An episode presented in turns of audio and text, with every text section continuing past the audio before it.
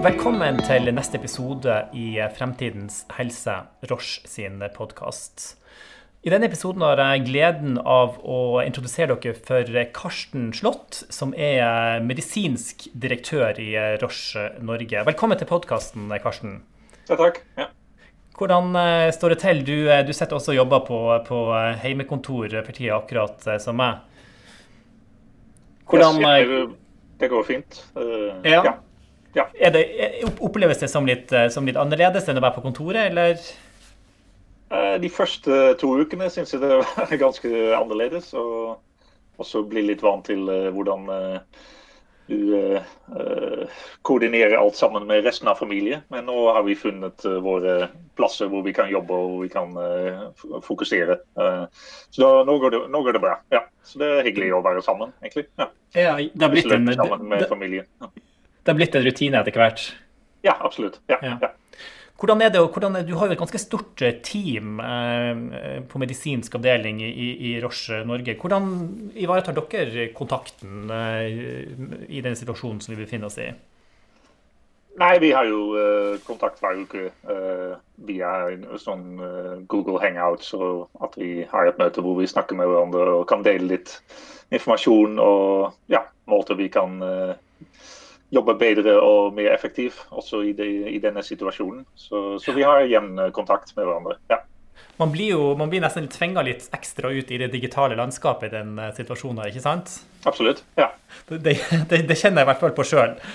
Så uh, ja, jeg tipper at det kanskje for mitt vedkommende kanskje blir litt mindre reisevirksomhet og litt, litt mer virtuelle møter fremover. Hvordan, hvordan er det for deg? Nei, det tror jeg òg, faktisk. Og vi, jeg har også hatt mange møter med mine internasjonale kolleger. og, og det, det, går egentlig veldig fint å, å gjøre det via, via, via, sånne digitale løsninger. Så, så det, det, er absolutt noe vi kan uh, ta med i framtiden. Ja. Mm. Du Karsten, du er jo sjøl lege, og du har eh, jobba i, i, både sykehus, eh, du har jobba på legevakt. Du har altså brei, brei klinisk erfaring. Eh, hvordan, altså Gitt den situasjonen som helsetjenesten vår står i nå, hvordan tror du stemninga er der ute blant dine tidligere kollegaer i klinikken eh, nå? Nei, jeg har jo, Kona mi jobber fortsatt på, på legevakten i Oslo. Eh, og jeg kjenner jo en del som jobber der, som jeg har jobbet sammen med. Og ja, det er, det er ganske krevende tilstander der. Det, det er mange pasienter som ringer, som møter opp. Så det er mye, mye press på, på, legevakten akkurat nå. Ja. Mm. Uh, og på sykehusene, Det varierer litt fra sykehus til sykehus hvor mange pasienter de har innlagt med covid-19. Men uh, i Oslo-området er, er, det en del pasienter som, som, er innlagt på sykehus og på intensivavdelinger. Så da er det også mye, mye, press. Noen andre sykehus har jeg hørt er det færre pasienter, i, i hvert fall nå. Uh, så da er det mer sånn stille før stormen-følelse. Ja. Og så er det jo mye helsepersonell som også har sittet i karantene, ikke sant? noe som jo også da naturligvis har gitt seg utslag i bemanningssituasjonen. Absolutt. Ja, det, det, gjør det enda mer krevende. Ja, ja absolutt. Ja. Ja. Eh, Karsten, altså du, du, er jo født og oppvokst i, i, Nederland, og det var der også du tok din, din medisinske embetseksamen. Eh, hvordan er situasjonen der for tida? da? Er det noen store forskjeller mellom, mellom Norge og, og Nederland i måten pandemien blir møtt på? Eh, egentlig ikke. Det, det, det, det er flere, flere, pasienter i Nederland uh, som er innlagt også på sykehusene og som er blitt smittet. Uh, så situasjonen på de sykehusene er mer krevende der enn, enn her i Norge per i dag. Uh, også mange flere pasienter som ligger på intensivavdelinger. Så det har jeg også hørt fra kolleger som, som jobber i Nederland på de sykehusene. Um, ellers myndighetene de har tatt omtrent samme lignende tiltak som her i Norge med hvor skolen er stengt, mange butikker er stengt, og de aller fleste jobber hjemmefra. Så, så der, der, er situasjonen omtrent likt. ja. Du, og du har, du har, fortsatt mye slekt og venner som bor i Nederland, eller? Ja, ja. ja hele familien. Ja, ja. ja nettopp. Um, vi står jo nå i en situasjon ikke sant, der eh, viruset brer seg over, over landegrenser. Eh, eh, Verdens helseorganisasjon har, har, erklært det som en, global folkehelsekrise og rett og slett en, en, pandemi. Hva er egentlig en pandemi, Karsten? Ja, En pandemi er vel en, en sykdom som er utbredt over ja, flere land, flere områder. Så, og Så det er egentlig en pandemisituasjon hvor vi har havnet oppi nå. fordi ja, Koronaviruset er jo en virus som er veldig smittsomt. Som er kanskje mer smittsomt enn noen andre typer virus, f.eks. influensavirus eller forkjølelsesvirus.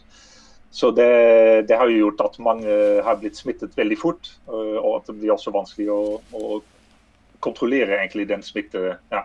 Og Da havner man opp i en type pandemisituasjon som vi er nå, hvor, hvor som sagt det har spredd seg til flere land, flere områder. Ja.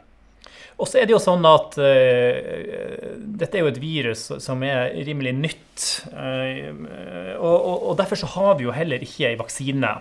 Um, når tror du at vi kanskje kan, kan, få det, da? Ja, Det er vanskelig å si å komme med eksakt uh, tidspunkt. Men i hvert fall når, når, du leser litt sånn de ekspertene som, som jobber med utvikling av, av, vaksiner, de tipper i hvert fall ett år til ett og et halvt år før man har da, uh, funnet en vaksine som også er testet.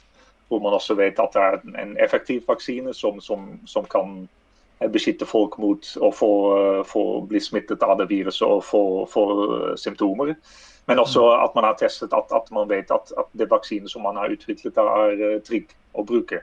At det har bivirkninger som er akseptable for pasienter. Ja. Hvordan, sånn helt, helt kort, hvordan fungerer egentlig vaksine? Ja, så Vaksiner er egentlig rettet uh, for å stimulere kroppens egen immunforsvar. He? At man utvikler antistoffer mot en virus, uh, i dette tilfellet. da. Så det man ofte gjør, er at man gir til, ja, injiserer pasienter med enten en svekket virus eller virusdeler, slik at kroppens immunforsvar kan lage uh, antistoffer uh, mot, uh, mot, det viruset. Slik at man, når man blir smittet av det ekte viruset, at man har de antistoffene, og at, man, at immunforsvaret egentlig kan bekjempe viruset veldig effektivt. Slik at man nesten ikke blir syk eller nesten ikke får symptomer. Ja. Når denne vaksinen da endelig foreligger og har vært eh, klinisk eh, testa og både eh, effekt og sikkerhet er klargjort, kommer det til å bli sånn, tipper du at alle må ta denne vaksinen, eller, eller um, kun de i risikosonen? Hva tenker du? Jeg tenker Det kommer også litt an på når vaksinen kommer, selvfølgelig. Hvor vi er i den pandemien. Om det fortsatt er veldig uh, eller om man har fått mer kontroll på det. Så det vil avhenge av det. Og så vil det avhenge av hvor mange vaksiner man klarer å produsere. Um, selvfølgelig, ja, Man ønsker jo å utvikle det veldig fort og finne en effektiv og trygg vaksine, men man må også masseprodusere det da, slik at man kan gi det til flere pasienter. Så det, det vil avhenge også av hvor mye man kan lage av en slik vaksine. Og da tenker jeg at ja, Folkehelseinstituttet i Norge de kommer jo med anbefalinger av hvem som uh, må vaksineres, eller hvem de mener som bør vaksineres. Og I utgangspunktet tenker jeg at det blir da risikogrupper i første omgang. Uh, F.eks. eldre pasienter, uh, eldre, eldre, personer eller pasienter som har andre typer sykdom, f.eks. kronisk hjerte-karsykdom eller kronisk lungesykdom, eller pasienter som har nedsatt immunforsvar. Så at man begynner å bruke en, en, vaksine når det er utviklet uh, i disse risikogrupper som er høyest risiko å bli alvorlig syk av koronaviruset. Ja. Og så er det jo også sånn at eh, vi heller ikke har noe eget eh, godkjent legemiddel mot, mot covid-19. Eh, men samtidig så skjer det en del utprøving der. Kan du fortelle litt mer om det? Ja, det stemmer. Um, ser skjer mange, mange, studier er i gang. Uh, og egentlig er det to typer legemidler som man uh, forsker på. da.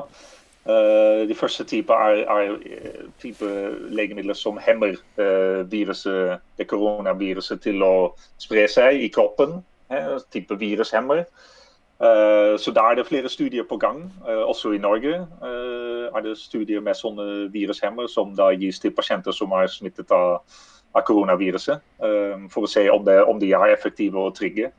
Eh, andre typer legemidler som eh, forskes på eh, for tiden, er da legemidler som, som, er, som demper immunfor, uh, immunreaksjoner i kroppen. Fordi vi ser jo at noen pasienter som blir smittet av det koronaviruset, at de får en veldig, veldig kraftig immunreaksjon. Det er jo bra at kroppen prøver å bli kvitt uh, det viruset, uh, men det kan også bli en slags overreaksjon. At, at det fører til egentlig mer skade i f.eks. lungene og at pasientene blir sikre av, av, den overreaksjonen av kroppens immunforsvar. Så Der finnes det legemidler som kan egentlig dempe den uh, immunreaksjonen av kroppen. Slik at de pasientene blir ja, kanskje friskere og får mindre skade av, det, av, av infeksjonen. Ja. Så De to typer legemidler de, de, de er under utprøving nå. De er under utprøving, forteller du. Det vil si at det pågår eh, kliniske studier. Um, hvorfor er det så viktig å, å, å, kjøre kliniske studier på dette? Ja, jeg syns det er veldig viktig. Fordi ja, du, som lege når du behandler pasienter, du ønsker jo å gi noe som er effektivt, selvfølgelig. Så da må man teste i studier om det legemiddelet faktisk har en effekt. Uh, og da må man også ofte sammenligne det med med pasienter som ikke får det, det legemiddelet, da, se om, om, det virkelig har en effekt. Om, kan, om pasienten blir friskere, om man blir kvitt uh, viruset. Uh, og I tillegg er det selvfølgelig viktig å kartlegge er bivirkningsprofilen He, er bivirkninger av et legemiddel er de, er de akseptable. He? Fordi Hvis man gir legemidler som er veldig alvorlige bivirkninger, og hvor pasienter blir enda sykere, det er ikke det, det man ønsker heller, selvfølgelig. At pasientene blir syk av eh, et legemiddel. Man ønsker jo at, at de pasientene blir friskere. Ja. Så Derfor må man teste det. Så Det er veldig viktig. Uh, og Derfor er det veldig fint også nå at, at man gjør slike studier. Det er også det forskere og Verdens helseorganisasjon anbefaler at, at, man tester ut de legemidler egentlig helst før man begynner å gi det til pasienter. Ja. Men nå er vi i en situasjon ikke sant, der eh, timeglasset renner ut veldig veldig fort, og man er på en måte nødt til å, å Eh, teste ut mens man behandler, rett og slett. Ja, det blir jo det i praksis. ja. Det er jo nå sånn at um, vi vet jo at dette viruset her er, er veldig smittsomt. Um, og det er jo nettopp smittevernhensyn som også ligger til grunn for at både du og jeg sitter på hjemmekontor, og at uh, samfunnet i, i, stor grad er, er, er stengt ned. Uh, står vi overfor her et, et, virus som nærmest er smartere og øh, mer utspekulert enn en liksom alle verdens forskere til sammen, nærmest. Eh, og vil vi i fremtida, tenker du, liksom kunne, kun møte pandemier på en bedre måte? Um, nei, jeg tror, jeg tror, det vi ser nå, er den, også den hvor fort man har klart å starte opp med, med, kliniske studier for å teste ut legemidler mot dette viruset. Hvor fort man har kommet i gang med utvikling av vaksiner. Eh, fordi vi vet jo det, er flere enn 30 forskergrupper og legemiddelfirmaer som, som, som forsker på en, en, effektiv vaksine akkurat nå. Det er allerede tester i gang i mennesker, så, og det, det har gått veldig fort. Eh, så da har man lært mye av tidligere pandemier også. Eh, hvordan kan man bekjempe de på mest effektiv måte. Eh, I tillegg er det viktig at, at vi samarbeider selvfølgelig tvers landegrenser. Og at forskergrupper deler informasjon, deler resultater fra studier. Også legemiddelfirmaer. At de er villige til å snakke med myndighetene, utvikle studier så fort som mulig, ehm, slik at, at, at, vi får gode eh, data som vi kan bruke, mhm. slik at behandling av, de, av pasientene som er blitt smittet, eh, blir bedre. Ja. Så jeg tror man har lært mye av tidligere pandemier, eh, og dette vil også, når det kommer nye pandemier i framtiden, vil vi også ha mye læring av det som skjer i dag. Ja det er jo likevel sånn at du nevnte det sjøl, ei vaksine det er minst ett år frem, frem i tid, med all sannsynlighet. Og et, og et, legemiddel, der snakka vi vel om altså et legemiddel som er godkjent nøyaktig for denne indikasjonen, for denne sykdommen. Der, det vil vel ta enda lengre tid, ikke sant? Det er mulig, men det kan også gå, gå, fortere, faktisk. Jeg tenker Hvis resultater fra de studier som er i gang nå, blir tilgjengelig, da har myndighetene også mulighet å, å, godkjenne det ganske raskt.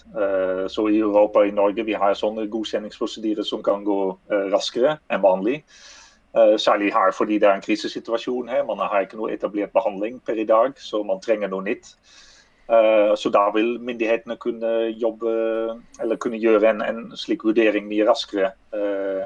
Men igjen, ja, det, man trenger jo gode resultater, og man må være sikker på at et legemiddel er effektivt og også sikker. Ja. Man har vel et ganske langsiktig perspektiv ofte ikke sant, i, i, i, legemiddelbransjen. Hvor lang tid tar det sånn vanligvis å forske fram og utvikle et, et nytt legemiddel? ja, vanligvis kan det ta ja, si opptil ti år. Eh? At man går fra at man har en molekyl uh, som man begynner å teste først dyreforsøk, da forsøk ja, i sånn type fase 1-studier i mennesker for å se er det er, er det, er det trygt å bruke i mennesker, dette legemiddelet. Uh, og Der går man oftere videre til en fase 2-studie hvor man tester ut har det en, har det en effekt og prøver å finne ut en dose som er, som er effektiv og, og trygg.